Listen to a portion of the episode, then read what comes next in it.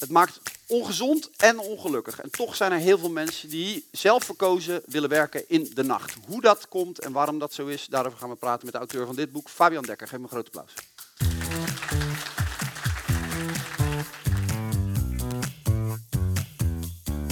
Vergeten beroepen, leven en werken als nachtwerker. Dit is het tweede boek in een serie. eh, wat je hebt eh, opgestart als arbeidssocioloog. Komende vijf. De komende vijf. Ja, het, het tweede deel. het ja. tweede deel. Vorig ging over circusartiesten.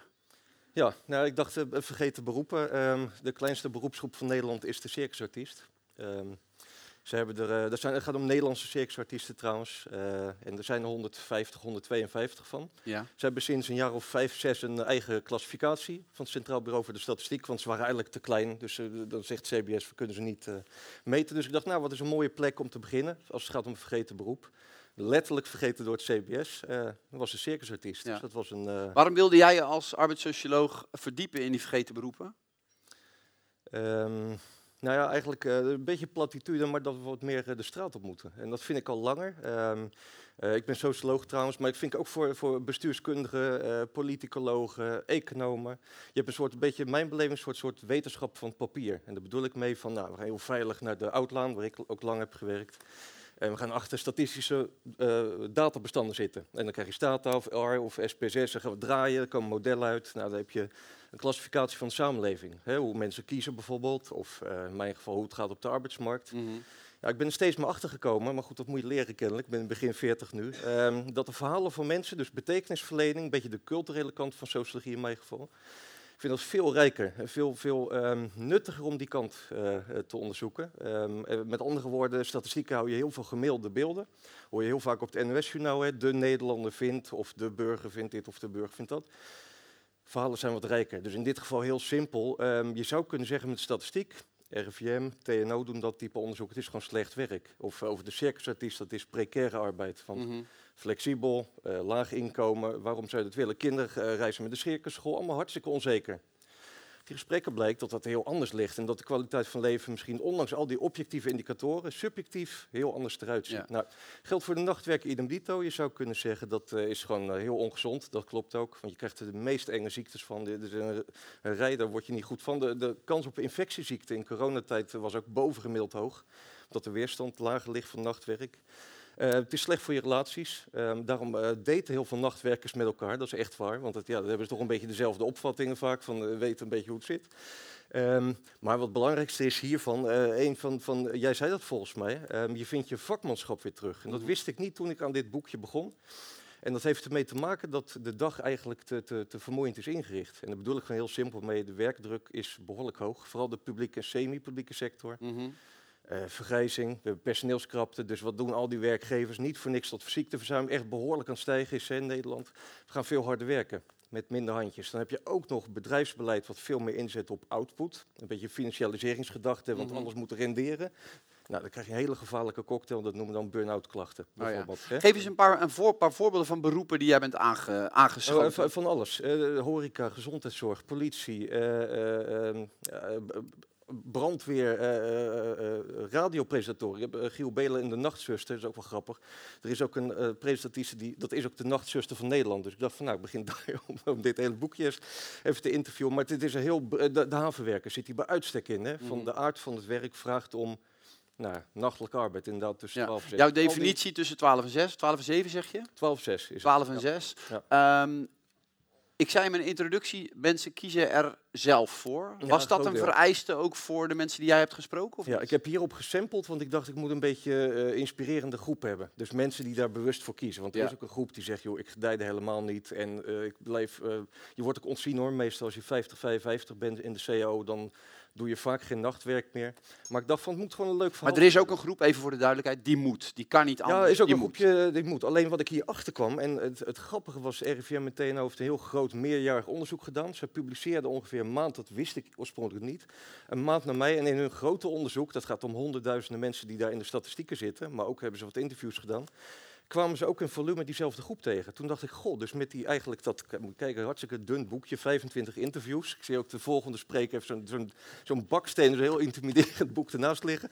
Maar met de statistieken dus en die, eh, eh, die, die een volume hebben, kom je eigenlijk tot een soort vergelijkbaar beeld wat ik ook met die interviews ophalen. Dus dat betekent dat het een beetje valideert, dat onderzoekers diezelfde patronen zien van, goh, ongezonde arbeid in de nacht en toch zijn er groepen, de omvang weet ik niet, dat weet TNO-RVM ook nog niet, gedijen in de nacht. Dus je keert dus eigenlijk naar een ongezonde arbeidssituatie omdat het Mhm. overdag gewoon eh, slecht toef is. Ja. En jij wilde weten eigenlijk, bij de hoofdvraag waar je net al een beetje tipje van de sluier oplichtte, waarom doen die mensen? Ja, dat is eh, heruitvinding van vakmanschap. Een vakmanschap is eigenlijk, eh, je hebt een opleiding nodig, je hebt ergens voor geleerd.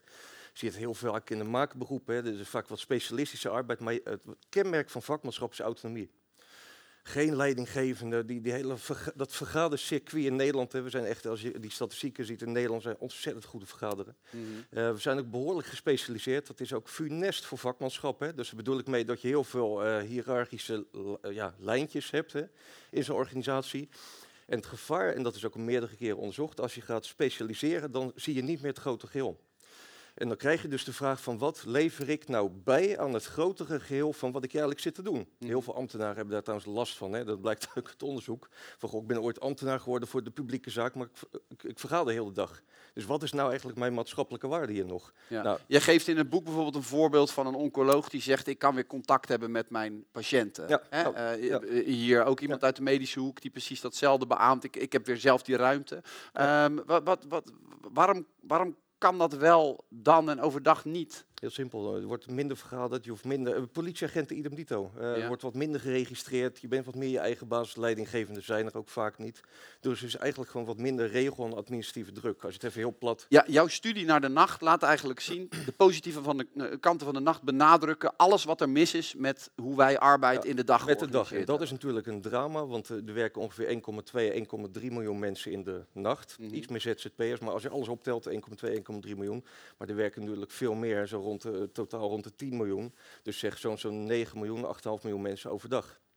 Dus dat betekent dat ehm, ja, overdag die, die arbeidsmarkt gewoon verkeerd is ingeregeld. En wat doen mensen? Maar wacht even, nu ga je heel snel toch? Door te zeggen dat deze mensen hebben gekozen voor de nacht vanwege die redenen, Ja. betekent toch niet dat al die andere mensen doodongelukkig zijn in hun Nee, werk? alleen eh, je ziet er ook veel meer. Ik heb wat eh, discussieavonden gehad met HR-managers, verschillende sectoren. Je hebt nu de quiet quitters. Ja. Mensen die niet meer gaan doen dan nodig is. Of de mentale pensionering. Dat ziet ook steeds meer, het is een beetje zacht onderzoek, steeds meer in dat HRM-onderzoek. Ja. Ehm, ik weet niet nogmaals hoe hard dat is, maar een meer harde indicator is de opkomst van het ZZP-schap. Factor 1, er zijn nu ehm 1,2 miljoen ZZP'ers in Nederland. Belangrijkste factor, ook door het Centraal Planbureau meerdere keren in allemaal decompositieanalyses naar voren gehaald, is sociaal-culturele verandering. Plat gezegd, mensen willen hun vak uitoefenen zoals ze dat zelf eh, willen. Dus eh, nou, wonder boven wonder, waarom zijn er zo, zoveel ZZP's in de gezondheidszorg? Omdat de boel is dicht gereguleerd. Ja. Dus wat gaan mensen Ik ga, met je, ik, ik ga zo meteen nog een eindje met je mee, Fabian ook, maar toch ook een beetje tegenstribbelen. Want het betekent, kijk, die nacht is ook een beetje het Wilde Westen. Ja. Tuurlijk heeft het een charme, tuurlijk klinkt het goed, de politieagent kan weer boeven vangen, Ja. maar dat papierwerk is ook ergens voor nodig. De oncoloog kan weer met zijn patiënten praten, natuurlijk, maar regels en wetten zijn er niet voor niets. Ehm, en in ziekenhuizen gebeuren in de nacht en in het weekend de meeste ongelukken. Uh, dus in die zin, eh, we hebben die regels en die, die, die, die, die, al die procedures en die, die, dat contact met collega's, Ja, maar, jij dat eh, hebben we niet voor niks, toch? Vergis je niet, als je kijkt naar de, met name de gezondheidszorg, maar ook laatst las ik weer een studie in sociaal werk, heeft het eigenlijk ook hoor, dat is dan geen echt nachtwerk. Maar waarom zoveel jonge mensen nu uit de, de brede sector zorg en welzijn stappen, is omdat ze gebukt gaan onder regeldruk en administratie. En, en, en klinkt een beetje populistisch wat ik nu zeg, maar het zijn gewoon uitstroomonderzoeken, ook van Regio Plus, koepelorganisaties die in de zorg actief zijn. Dus vergis je niet hoe we dicht, eh, wordt in Nederland in mijn beleving heel veel op incidenten, eh, soort incidentenpolitiek bedreven. Van we hebben een incident, oh, wat doen we? Regels. Er is een subgroep, wat doen we? Eh, regels. Toeslagenaffaire is eigenlijk zo ontstaan ooit. Hè? Van regel, regel, regel, regel. En op een gegeven moment weet je niet meer wat je hebt gebouwd op een gegeven moment. Dus Ja. vergis je niet als je Maar kijkt naar, nu komt het moment dat ik een beetje met je mee ga bewegen. Wat zeg jij dan eigenlijk, die, die dag moet worden zoals die nacht? Ja, dat is Richt hem in zoals de- wat deze mensen ja, opgezocht ja, hier hebben? komen ook heel veel, ehm, als je, dan krijg je een beetje filosofische discussies. Hier komen de basisinkomensdiscussies. Hier komt de vierdaagse werkweek, want dat heeft hier van alles mee te maken. Mhm. Van kunnen we niet, want het gaat over de waarde van werk, hè, ons verhaal wat wij nu hebben. Van, van eh, hoe richt, wat vind je nou eigenlijk waardevol op die arbeidsmarkt? Is dat output, uren draaien of is dat iets van waarde creëren? Waar heel veel mensen uiteindelijk een opleiding voor kiezen. Het lastige is alleen dat de factor bedrijfsbeleid erin zit. En, hoe ga, en dat ligt dus bij de sociale partners. Wil eigenlijk tot bedrijven gaan inzien dat je anders om moet gaan met de factor arbeid. Klinkt nu een beetje zendingswerk, hoe ik het nu zeg, een beetje soft misschien. Maar de studies die er liggen, dan zie je dat de afgelopen 20 jaar de bol behoorlijk is gefinancialiseerd. Dus behoorlijk wordt uh, gestuurd op output, bereik, kengetallen. KP, daar zijn die KPI's vandaan gekomen jaren 90 had je het nieuw public management. Ja, run een overheidsorganisatie of een universiteit of een theater als een bedrijf. Ja, als een, goed voorbeeld, hè? universiteit. Ik ben er ooit vertrokken omdat de werkdruk daar killing is. Als je daar nu kijkt, ook naar uh, veel jonge wetenschappers, die moeten subsidies binnenhalen. Uh. We zitten hier op een talkshow van de Erasmus Universiteit. Ja, dit, wordt, niet, uh, dit wordt niet uitgezonden. Nee, dit knippen we okay. zo meteen nee, maar dat is een serieus probleem. Vergis je, het zit in zoveel sectoren. En het, is, het lastige is, je kan nog niet keihard lineair zeggen, dit is het verhaal. Maar het zit in te veel sectoren dat werk vermoeiend begint te worden. En dan denk ik, kijk naar harde indicatoren. Burn-out klachten nemen toe in 10 jaar van 11 naar 17 procent werknemers. Stroom van ZZP-schap neemt toe. Het zijn allemaal van die dingen die je voelt. CBS zegt, ik heb nog nooit zo'n hoog ziekteverzuim gemeten. Zit boven de 6 procent in Nederland sinds we het meten. Het mhm. zijn te veel factoren die erop wijzen het dat... Is een, ik, voel, ik voel hieraan dat als, als ik jou ga vragen, wie moet er iets anders doen, dat er een heel complex uh, antwoord komt over we, organisaties, instituties die in elkaar grijpen. En, maar als er nou een HR-medewerker hier in de zaal zit of zit mee te kijken, of iemand die leiding geeft aan een kleine of wat grotere afdeling, wat zijn de lessen die wat jou betreft moeten worden meegenomen uit, uit jouw studie naar Ja, weet je, ik, ik heb het ook niet uitgevonden, hè, van dit is de manier hoe je bedrijf... Doe even alsof je het uh, hebt uitgevonden. uitgevonden. Nee, maar weet je, laat ik een hele praktische voorbeeld geven. Ik, heb nu, ik doe nu uh, eh, 15 jaar arbeidsmarktonderzoek. Ik ben te veel bedrijven tegengekomen die in vergelijkbare conjuncturele settings zitten. Uh, die heel erg op elkaar lijken in omvang. Bijvoorbeeld MKB, MKB-bedrijf in dezelfde sector, dezelfde uh, omzetontwikkeling. Het ene bedrijf gaat linksaf, bijvoorbeeld flexibiliseert zijn arbeidsinzet, en het andere bedrijf doet dat niet. Bijvoorbeeld, er is keuzevrijheid, heb je het in sociologentaal over agency. Van je hebt de keuze om iets te doen. Um, ik, ik, spreek ook hier ondernemers in Rotterdam die met open hiring werken. Van ik heb vacatures die ik openzet aan Iedereen, ongeacht wie het is, ik zet jou, uh, je bent aangenomen als je je als eerste meldt. Ik haal die hele sollicitatieprocedure eruit om arbeidsmarktdiscriminatie tegen te gaan. Uh, Jumbo-filiaalhouder wordt hier heel erg op Rotterdam-Zuid aangehaald ene filiaalhouder doet het, andere doet het niet. Dus mijn, mijn advies is, ja, het, het, is nogmaals een soort zendingswerk, maar het kan anders. Je kan je bedrijfsbeleid anders inrichten. Mhm. Dan heb je het over sociale innovatie. En het mooie, Henk Volberdaal deed in het verleden heel veel onderzoek ernaar. Sociaal innovatieve bedrijven, keer op keer blijkt dat, zijn uh, economisch ook renderender op de lange termijn. Alleen wat doen bedrijven? Die kijken op de korte termijn. Van het uh, eerste half jaar moet door, of we hebben het toch moeilijk. En, of het eerste jaar op, op zijn best, maar kijk niet op middellange termijn. En die effecten zie je na twee, drie jaar. Dus je hebt bedrijven nodig die zeggen we kijken verder dan de waan van de dag. En ik waardeer de factor arbeid wat hoger. In plaats van alleen maar technisch. Van ik heb een soort commodity. We moeten nu helemaal draaien, want ja, concurrentiekracht, globalisering, dat soort beetje, beetje, beetje gekkigheid krijg je dan antwoorden, maar het kan gewoon anders. En de studies liggen er dat het anders kan. Dus. Er zijn ook heel veel mensen, en dan komen iets andere trein, die zeggen ik werk gewoon lekker in die nacht omdat ik uh, creatiever ben. Of in de hele vroege ochtend. Hè, laten we even zeggen, ik zet de wekker om drie, vier uur en dan schrijf ik het beste. Of dan kom ik met de beste ideeën. Doe jij dat ook? Nee, ik schrijf heel veel. En dit soort dingen, uh, boekje drie wat ik nu over fabriekswerk ga schrijven, ik vind dat ideaal. Maar dat heeft meer te maken... Maar en hoe, doe je, hoe laat zet je de wekker dan? Ik, nou, ik zet geen wekker. op een gegeven moment heb je een bioritme. Dus je synchroniseert ook met... Uh, nou, dat varieert, maar ik, ik vind het heel lekker om tussen 12 en 2 te schrijven soms. Echt waar? Maar ik ben ook een... Zo midden in de nacht. Ga je ja. eens een paar uurtjes slapen en dan, dan kan je kiezen van even, even vrij of een boek lezen en jij gaat dan... Uh, ja. Ja, het is krankzinnig. Uh, zie hier waarom ik alleenstaand ben op dit moment. Want dat eh, gaat natuurlijk snel. Het nadeel is, uh, sociale relaties botsen natuurlijk aan alle kanten. Dus we kunnen over mijn exen nog een keer hier, hier gaan hebben. Maar, maar, nee, maar ik, je hebt, je hebt, er zijn ook wat studies naar gedaan. Je hebt mensen die gedijen. Je hebt, een, je hebt echte nachtmensen. Je hebt altijd wel eens iemand, als je gesprek, ik ben een nachtmens. Veel mensen in de horeca zeggen ook, die nu in de horeca werken, die zijn ook hiervoor geïnterviewd. Ik ben een nachtmens. Je hebt chronotypes dat onderzoek is ook niet zo heel hard, maar er ligt wel wat. Je hebt gewoon mensen die ja, gewoon qua DNA of qua leefstijl eh, heel goed in de nacht gewoon kunnen opereren. Dus dat is heel gek, maar die, die bestaan. Dat is heel er zit ook nog, en dat komt toch ook een beetje ja. maatschappij en kapitalisme kritiek iets in, vind ik altijd bij mensen die zeggen, ja, als ik dan zo heel vroeg begin, dan loop ik zo lekker op de concurrentie vooruit. Heb ik helemaal niet, joh. Oh. Nee, nee, maar dat uh, zal ongetwijfeld. En, en kijk, als je het hebt over de instrumentele kant, het verdient ook lekker. Hè? Want ik bedoel, je krijgt anderhalf, twee keer uitbetaald. En zeker bij jongere mensen, die kwam ik hier ook tegen, die zeggen, ja, ik weet niet hoe lang ik het blijf doen, maar het betaalt gewoon goed. Ja.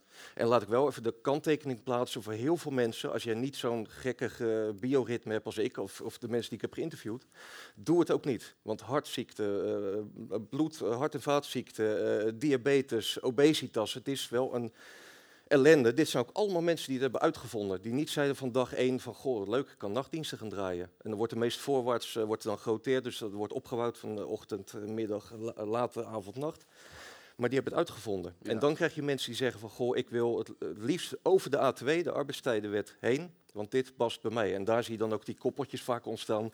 Uh, uh, met als groot voordeel wel dat je je kinderen vaak ziet opgroeien. Er zijn mensen die gekozen hebben. Je krijgt van die huishoudenstrategieën. Van nou ja, uh, ik, ik kom thuis, breng mijn zoontje of dochter. Misschien is het ook wel voor jou, Geert trouwens. Mijn zoontje of dochter breng ik naar school. Ik ga slapen en ik haal ze weer, ik haal ze weer op. Dus ik zie, mensen, ik zie mijn kinderen gewoon echt letterlijk opgroeien bijna. Dus ja. nou goed, het is.